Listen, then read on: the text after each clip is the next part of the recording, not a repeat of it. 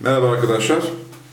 Amak Hayal kitabını seslendirmeye devam ediyoruz bölüm bölüm. Biliyorsunuz geçtiğimiz haftalarda Amak Hayal'de e, Aynalı Baba ile karşılaşma ve birinci gün ve ikinci günü seslendirmiştik. Bugünkü e, videomuzda üçüncü günün seslendirmesine devam edeceğiz. E, araştırmacı yazar Bahaettin Sağlam Bey yine bizimle beraber. Hocam hoş geldiniz. Hoş bulduk. Bugün üçüncü günü Evet. hocam. Sonsuz döngü. Evet. Üçüncü gün sonsuz döngü. Ee, onun başında hocam Hazreti Şazeli'nin bir sözü var. Onu okuyarak başlayalım. Buyur. Ey benim daimi Allah'ım! Ey sonsuz zamanım! Ey ilk ve son! Ey iç ve dış! Duamı kabul et. Kulun Zekeriya'nın duasını kabul ettiğin gibi. Burada neyi kastetmiş olabilir hocam bu sözde Hazreti Şazeli? Cenab-ı Hak e, bir hadis var. Zaman benim, zamana sövmeyin. Allah zaman içinde kendini gösteriyor. Zaman bir sayfa, bir film gibi. Allah kendini o zaman içinde gösteriyor. Zaten e, Hazreti Şazeli orijinalde ya değeri diyor. Ey benim zamanım, ey sonsuz olan demek. Allah sonsuzdur. Fakat sonlu bir zaman içinde kendini gösteriyor. Soyut olduğu için soyutun somutlaşması lazım. Somut soyutsuz olmaz, soyut da somutsuz olmaz. Zamansızlık boyutunu Zamansızlık ve soyut boyutunun somut ve zaman boyutu içinde kendini gösteriyor. Evet hocam. O zaman devam ediyorum şey. Üçüncü güne okumaya. Bu üçüncü günde şeyi anlatacak. Yani Allah zaman içinde, hayat içinde nasıl kendini gösteriyor? Evrim süreci içinde kendini nasıl tecelli ettiriyor? Onu anlatacak. Üçüncü gün konusu bu. Yine her zamanki gibi bilinç dışına bağlan, bağlanmakla Başlıyor. işe başlıyor. Neysesiyle kendimden geçmiştim diyor.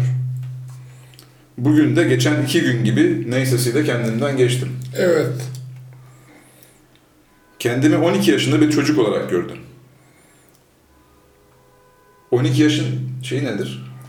Ee, buradaki vurgusu. bilgi Neden? eğitim yaşı, öğrenme yaşı. Bu üçüncü günde eğitim ve bilim ve öğrenme gerçeği anlatılacak. Hani aklım başıma geldi derler ya. 12 Aklım- yaşta mı oluyor o Bir nevi öğrenme yaşı, öğrenme yaşı? öğrenme yaşıdır. Büyük bir şehrin muntazam bir sokağında büyüyecek ve güzel bir evde oturuyorduk. Henüz uyanmıştım. Güneşin altın ışınları, güzellik ışıklarının aynası olan eşyayı yeni yeni okşamaktaydı. Yatağımdan kalkacağım sırada odamın kapısı açıldı. Bir hizmetçi kız, pederimin beni beklediğini söyledi. Kalktım, hizmetçiyi takiben yürümeye başladım. Pederimin bulunduğu büyük bir odaya geldik. Pederim 110 yaşında yaşlı bir zattı. Sanskrit lisanıyla konuşuyorduk. Pederim dedi ki, Oğlum, yaşın 12'yi buldu. Artık kendini ve kainatı bilecek zamanın geldi. İşte 12'nin manası bu. Bu değil mi? Burada izah ediyor. Evet. 12 yaşına geldiğinde varlığı sorgular insan. 12 yaşından önce varlığı sorgulayamıyor. Çocuk zihni oyun, oyun zamanıdır.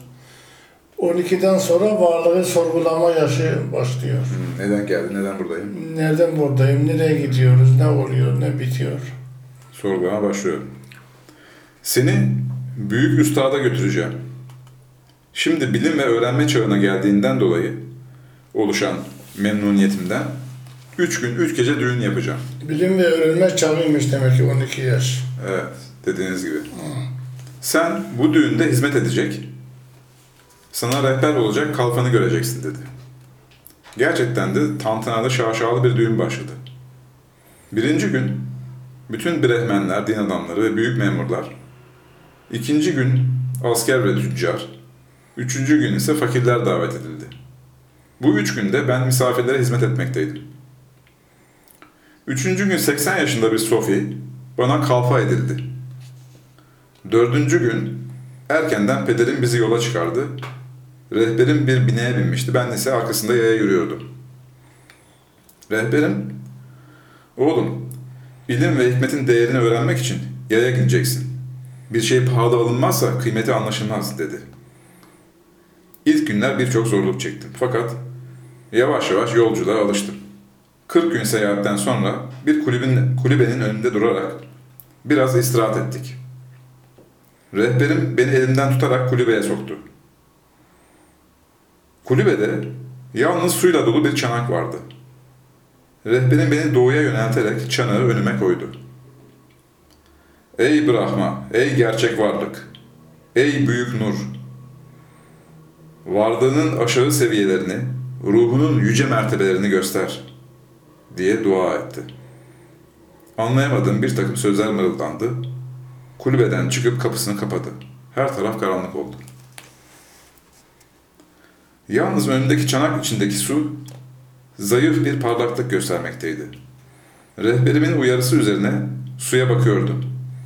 Bir müddet sonra nereden geldiğini tayin etmekten aciz kaldığım, sahibi görünmez bir ses işitmeye başladım. Bu bir ses miydi? İnilti mi? İlham mı? Vehmettirici bir söz mü? Belirsizliği bildiren bir şey mi? Bilemem ki ne lisanla söylüyordu. Ne gibi üslup ile, hangi harflerle? Tarif edemem ki.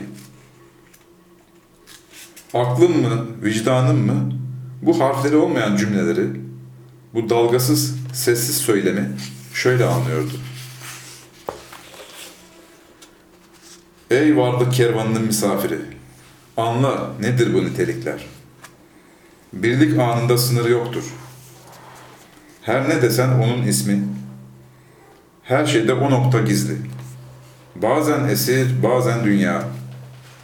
Ölüm, hayat ona beden. Bazen güneş, bazen ay. Bazen yağmur, bazen bulut. Kendi ateş, kendi ışık. Kendi gece, kendi seher. Bazen taş, bazen bitki. Bazen karınca, bazen aslan. Kendisi ruh, kendi ceset. Kendi hayat, kendi ölüm. Döngü ile insan olur, kendini kendinde bulur. Sonsuz iken nokta olur. İnsan imiş, mazharı hak. Çanaktaki su yavaş yavaş parlaklığını kaybetti. Karanlıklarda gizlendi. Bir şey göremez oldum. Gözlerim çanağa dikilmiş, karanlıktan dolayı bir şey görmez olmuşken garip bir seyre koyuldum. Hangi organım görüyordu? Bunu da belirleyemiyordum. Vücudumu inceledikçe, kendimi yokladıkça karanlıktan başka bir şey yok. Fakat görüyordum. Ne?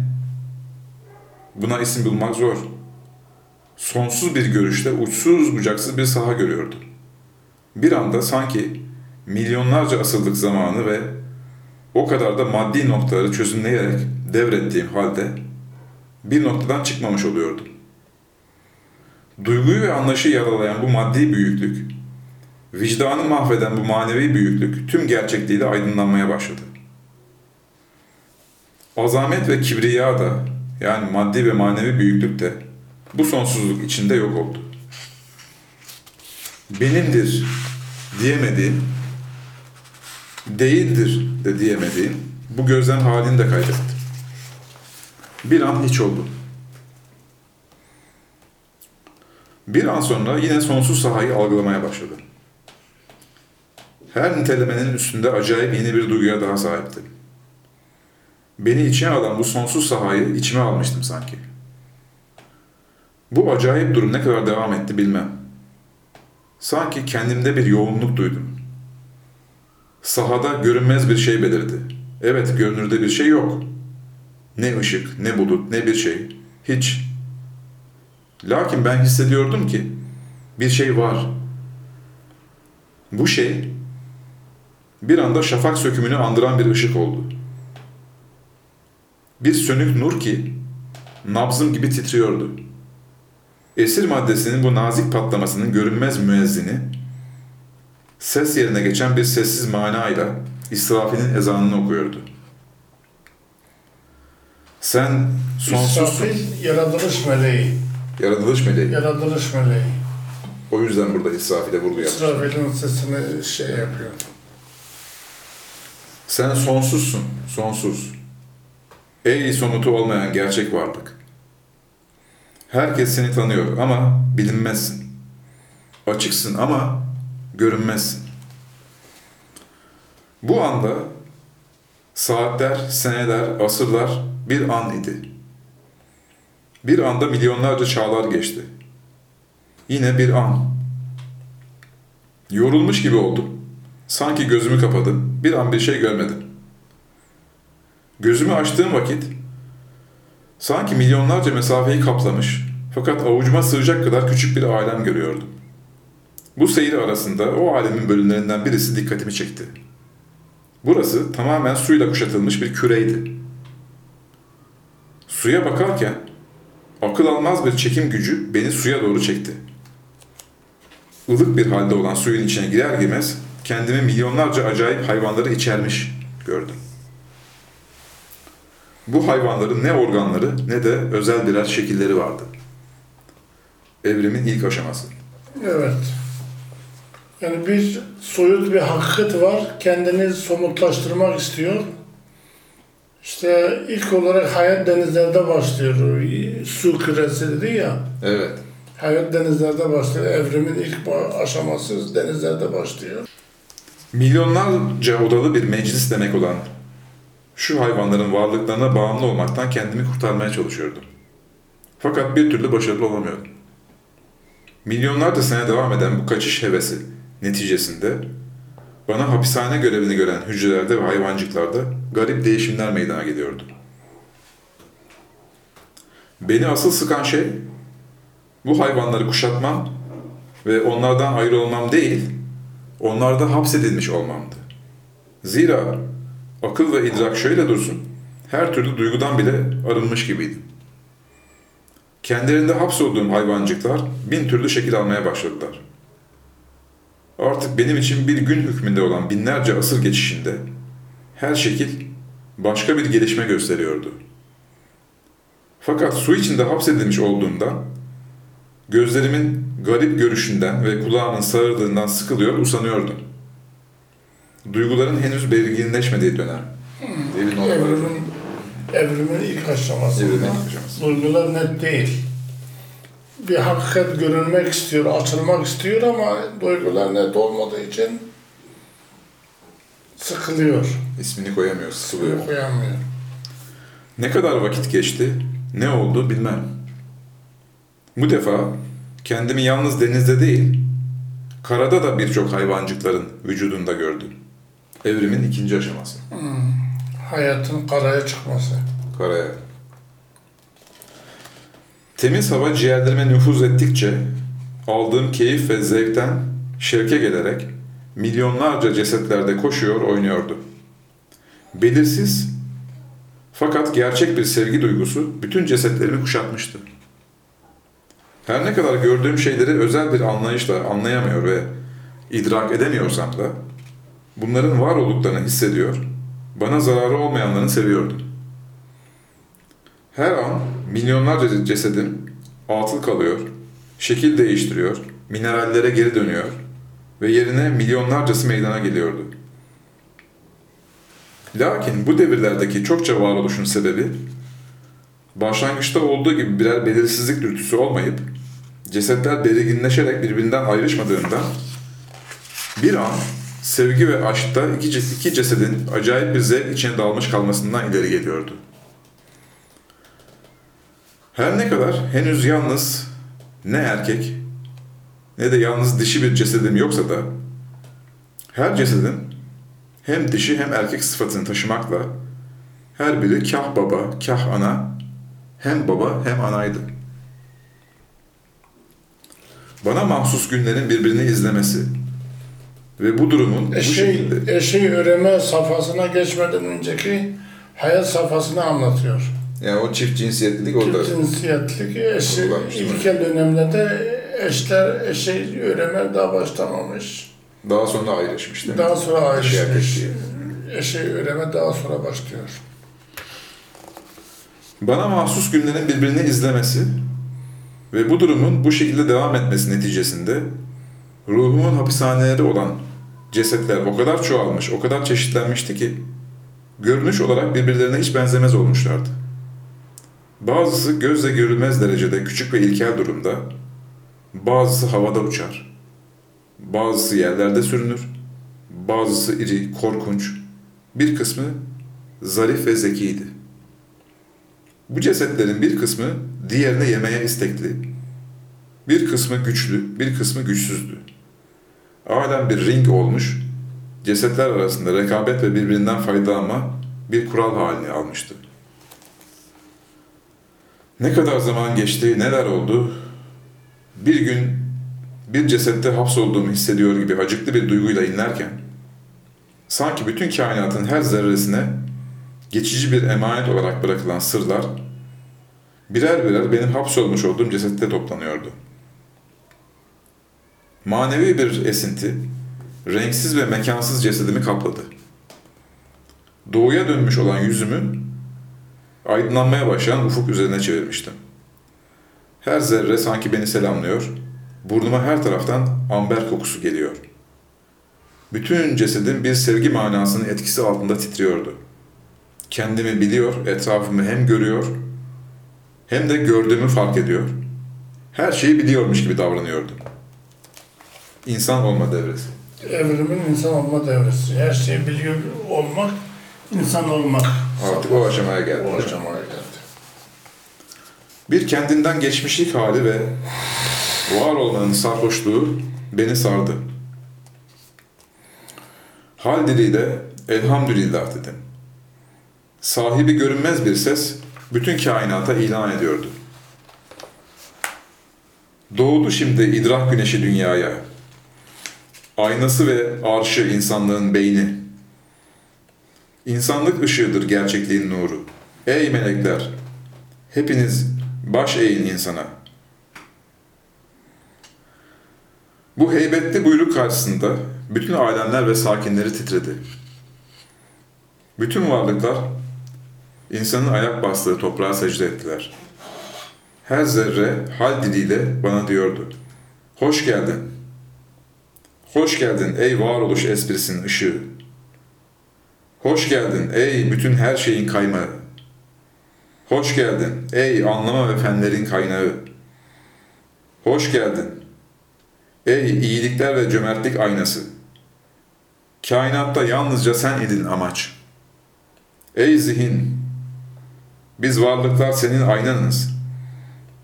Nokta, mana sensin, biz onun sözleri. Her şey sana döner. Sensin mabut kıble. Gözlerimi açtım. Aynalı baba hüzünlü bakışlarını bana yöneltmişti.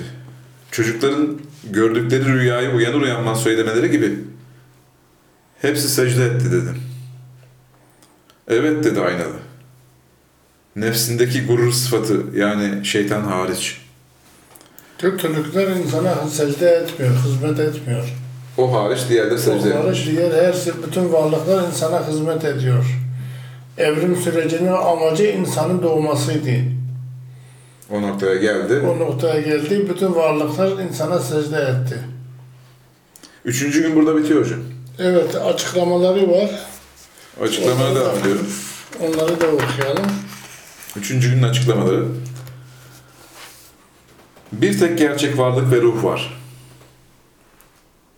Sürekli olarak sonsuz döngü içinde kendi değerlerini manalı ve verimli bir şekilde yaşıyor. Bu sonsuz süreci görmek için de biraz soyut manalar, biraz diyalektik yapının sırlarını anlamak gerektir. Evet, nice Zekeriyalar, nice Yahyalar gelip geçmiştir. Mesela bir Zekeriya da Hz. Muhammed'dir.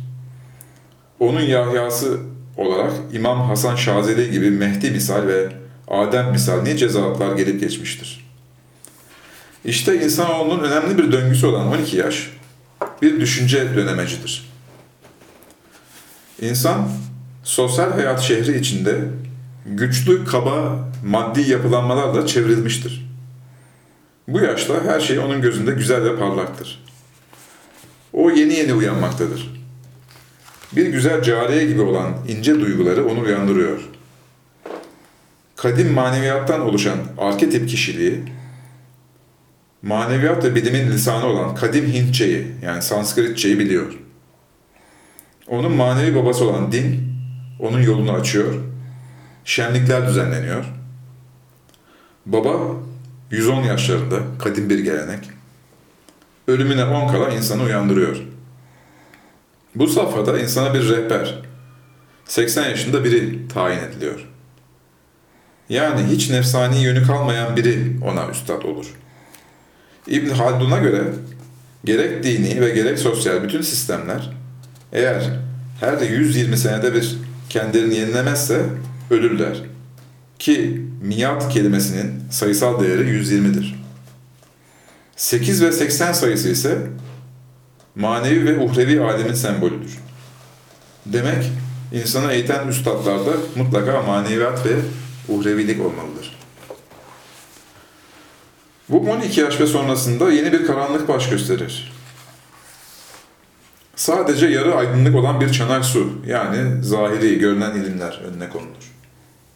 İşte bu durumdaki insan, gerçek bir duanın tılsımıyla gerçek varlığı ve asıl vücudu anlarsa aydınlanacaktır.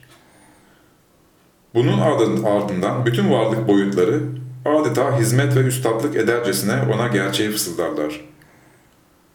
Bir müddet sonra öğrendiği ilimler aydınlığını yitirir. İnsan varoluşun başlangıcına gider.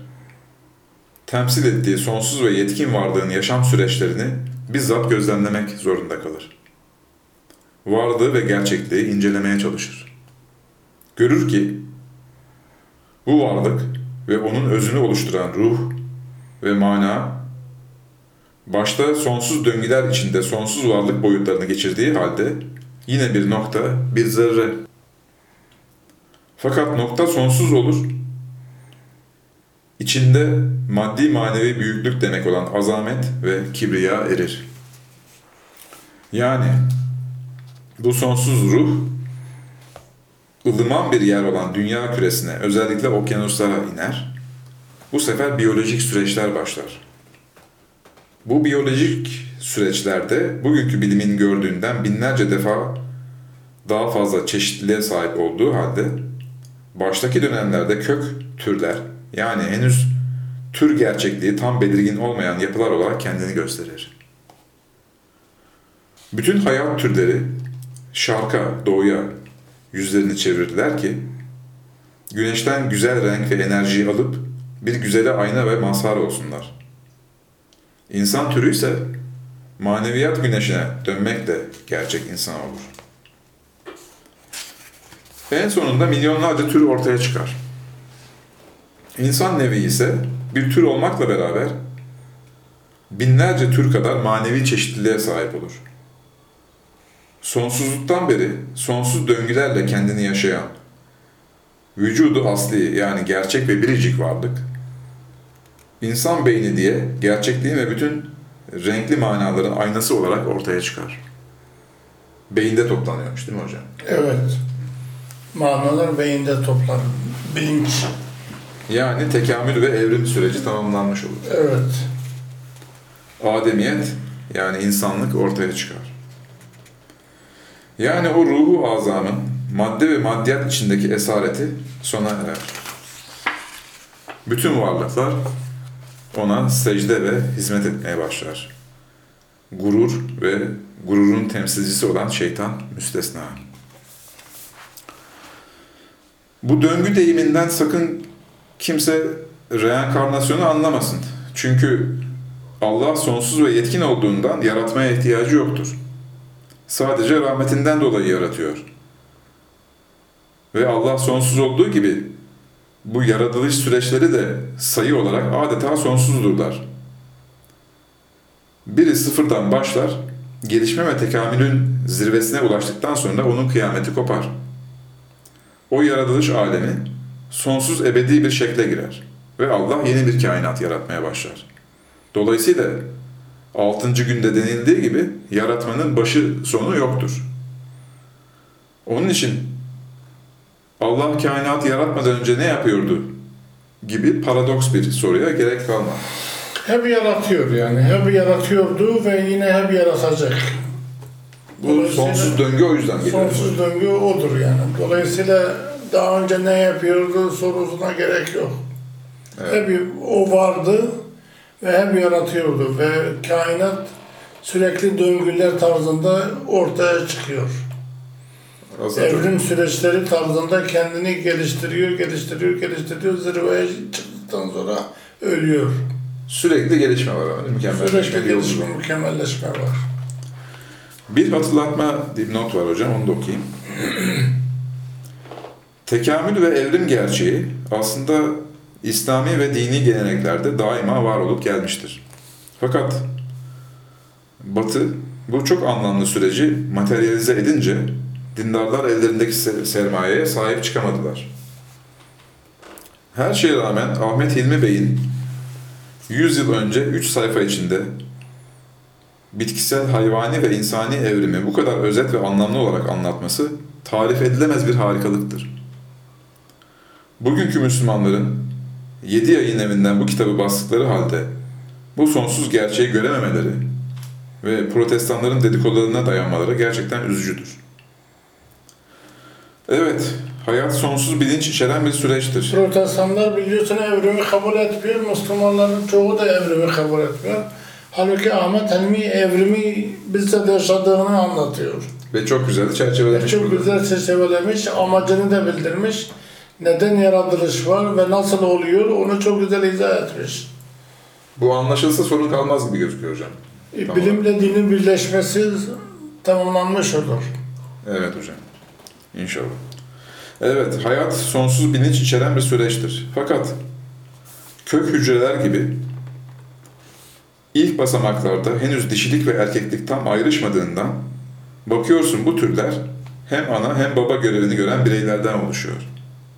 Ve bu aşamada duyular henüz tam netleşmediklerinden her uzuv adeta birer beyin gibi binlerce görevi bir anda görüyor. Ayrıca hayat, his ve zevk olarak her dönemde sayısız manaları, güzel ve tatlı şükürleri netice vermiştir.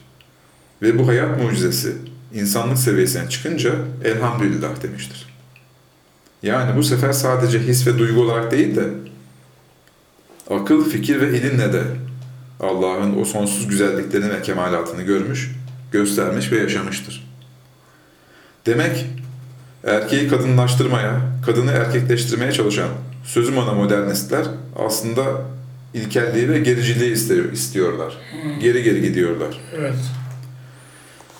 Yine bu üç Hayat zirveye çıktıkça türler netleşir. Biri şeyler netleşir. ki burada oldukça belirgin hale gelmiş artık. Yani mesela evrimin en üst halkalarını teşkil eden maymunlarda aile hayatı var. İnsanlarda aile hayatı var. insana en yakın tür olarak. Aslanda var. Evet. Ee, Diğer türlerde aile hayatı pek yok. Mesela yılanlarda aile hayatı pek yok. Doğru. evet. İlkel türlerde onlar. Doğru, doğru hocam. Yine bu üç sayfadan anlıyoruz ki hayatın hiçbir safhası çirkin ve anlamsız değildir. Bitkisel boyutta, hayvani boyutta, insani boyutta çok harika ve mucizedirler. Yani yanlış ve eksik olan bu süreçler değildir. Asıl yanlış, insanın diğer hayvan türleriyle akraba olması değil de İnsanın bireysel ve toplumsal olarak geri geri gidip maymunlaşması, hayvanlaşması ve hatta cansızlaşmasıdır. Evet, gerçek yanlış ve gericilik bu kötü davranış ve yanlış düşünüştür. Keşke başta kilise ve diyanet olmak üzere insanlık bu düşünce sorununu halledip insanlığı mukadder gelişmesinden geri bırakmasalar. Dedik açıklamalar burada bitti hocam. Evet. Üçüncü gün burada bitti hocam. Tamam. Yorumunuz için Ama çok maalesef. Diyanet evrimi kabul etmiyor. Evet. Kilise de evrimi kabul etmiyor. Bilim insanları çaresiz kalıyor. Çünkü evrim artık bilimsel olarak ispat edilmiş bir hakikattır. Bir yön delil var. Bir, bir Açık. genetik olarak, beyin katmanları olarak, paleontolojik veriler olarak. Ahmet Hilmi Bey bu kitabı 100 küsür sene önce yazmış hocam. Evet. E, O dönemde bunu nasıl keşfetmiş, görmüş? O günkü bilimler batıdan tercüme ediliyordu Osmanlıca. Bir de kendisi dil bildiği için batı edebiyatın literatürünü takip ediyordu. Dolayısıyla evrimi biliyordu Ahmet Hamdi Bey. Hocam çok teşekkür ederiz. Ben teşekkür ederim. Arkadaşlar 3. günün Alman Kaya kitabının 3. gün bölümünün e, sesli olarak okumasını ve yorumlarını yaptık bu videoda. Bir sonraki videoda görüşmek üzere. Teşekkür ederiz.